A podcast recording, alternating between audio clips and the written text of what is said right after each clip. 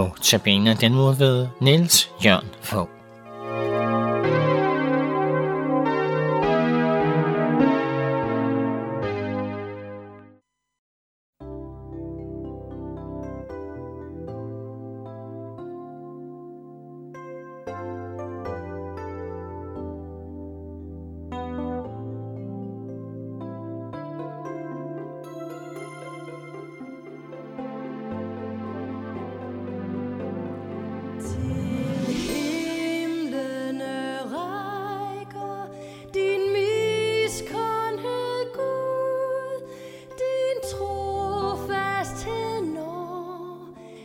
Skyer. Din retfærds hånd over bjergene ud er strakt over dale og byer.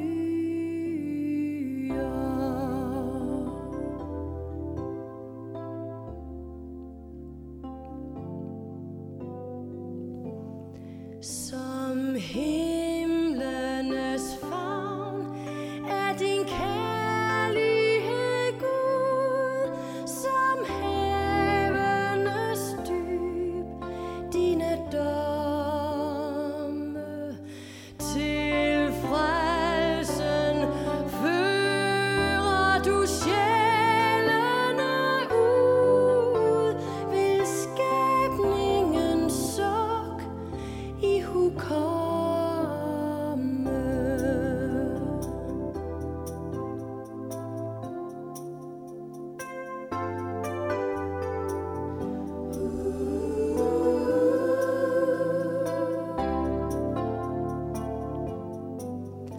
Hvor dyrebar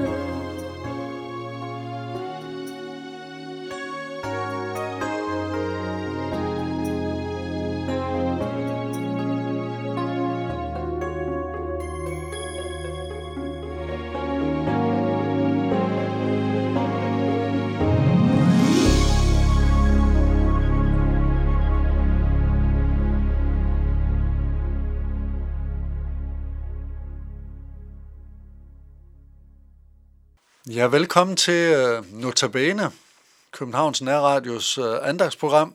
Og uh, i de næste dage er det mig, og mig det er Nils Jørgen Fogh, der skal prøve at sige noget. Og uh, det jeg vil sige uh, afspejler lidt, at vi er i fastetiden netop nu. Så uh, to af de bibeltekster, der ligesom skal lede os igennem, hører til den her tid af, af, af kirkeåret. Og øh, den, øh, den første tekst, som jeg vil sige lidt om, øh, handler om en øh, situation, hvor der er en, øh, en far, som har en øh, søn, der har det ganske, ganske forfærdeligt. Og øh, Jesus, han er ikke lige i nærheden, han er oppe på et bjerg sammen med et par af sine disciple, og det som øh, drengens far gør, det er, at han opsøger øh, Jesu disciple, men desværre så er de ikke i stand til at hjælpe drengen, og heller ikke hjælpe drengens far.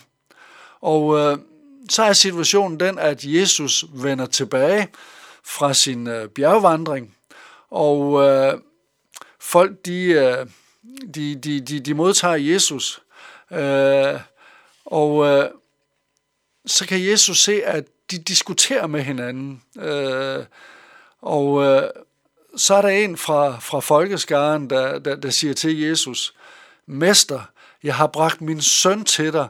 Han er besat af en ånd, som gør ham stum. Hvor som helst den overvælder ham, kaster den ham til jorden, og han fråder og skærer tænder og bliver helt stiv. Jeg sagde til dine disciple, at de skulle drive den ud, men det kunne de ikke. Der udbrød Jesus, du vantro slægt, hvor længe skal jeg være hos jer? Hvor længe skal jeg holde jer ud? Kom herhen med ham. Og øh, her i øh, den første andagt, der vil øh, jeg sige lidt om den her hårde sætning, som, øh, som Jesus primært siger til sine disciple, men også måske til os, der, der lytter, du vantro slægt, hvor længe skal jeg være hos jer? Hvor længe skal jeg holde jer ud? Og øh, jeg må indrømme, at jeg slet ikke kan genkende Jesus i de ord. Og jeg synes næsten, at det er en sætning, der gør mig utryg. Hvor længe skal jeg være hos jer, siger Jesus. Det er som om Jesus er en anden, end vi øh, normalt øh, tænker om, om Jesus. Øh, jeg husker en bisættelse, jeg engang havde som præst, hvor tre voksne børn sagde følgende om de sidste fire år af deres fars liv. Han var ikke mere den far, vi kendte.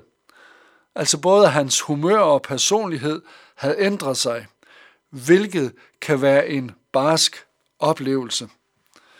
Og jeg synes faktisk også, det er skræmmende, når Jesus siger noget, der ikke ligner ham. Og jeg synes vel, det er skræmmende, fordi Jesus er den vigtigste person i mit liv. Hans ord og det, han siger, det betyder rigtig meget for mig. Øh, for eksempel så er der et løfte, øh, hvor Jesus siger til sine disciple, eller til dem, der tror på ham, jeg giver dem evigt liv, og de skal aldrig i evighed gå fortabt, og ingen skal rive dem ud af min hånd. Og det er et ord, som jeg er glad for, fordi det er et ord af Jesus, der viser, hvor meget jeg, hvor meget vi betyder for ham. Og det, der betyder noget for os, det er jo noget af det, vi passer på. Så Jesus må passe rigtig godt på os. Øh, et andet ord, der betyder rigtig meget øh, for mig, det er der, hvor Jesus siger, jeg er vejen og sandheden og livet. Men det, at Jesus siger, jeg er vejen, det, øh, det trøster mig tit.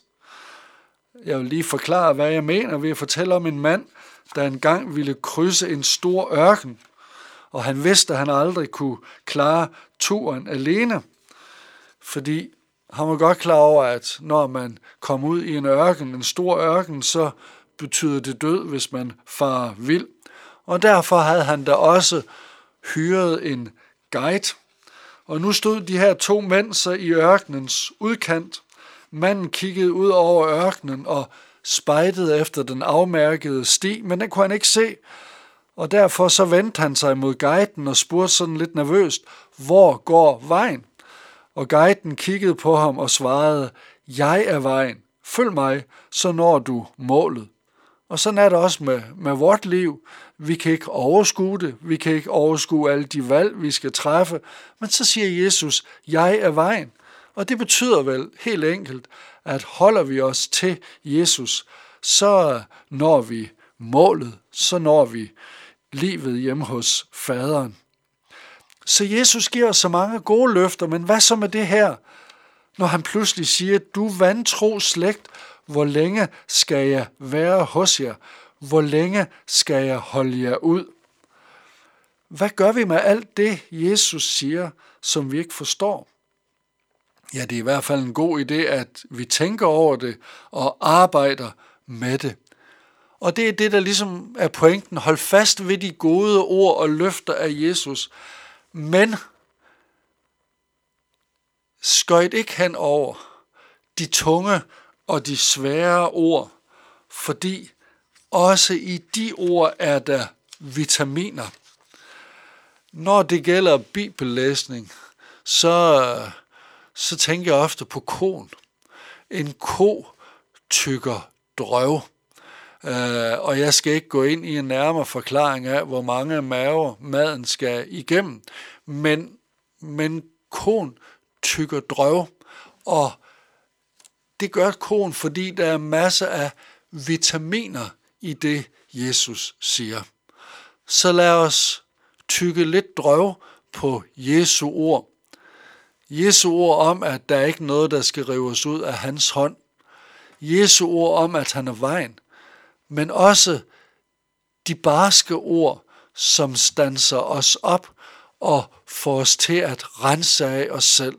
Og netop det med at rense af os selv, det er jo en vigtig øvelse i fastetiden.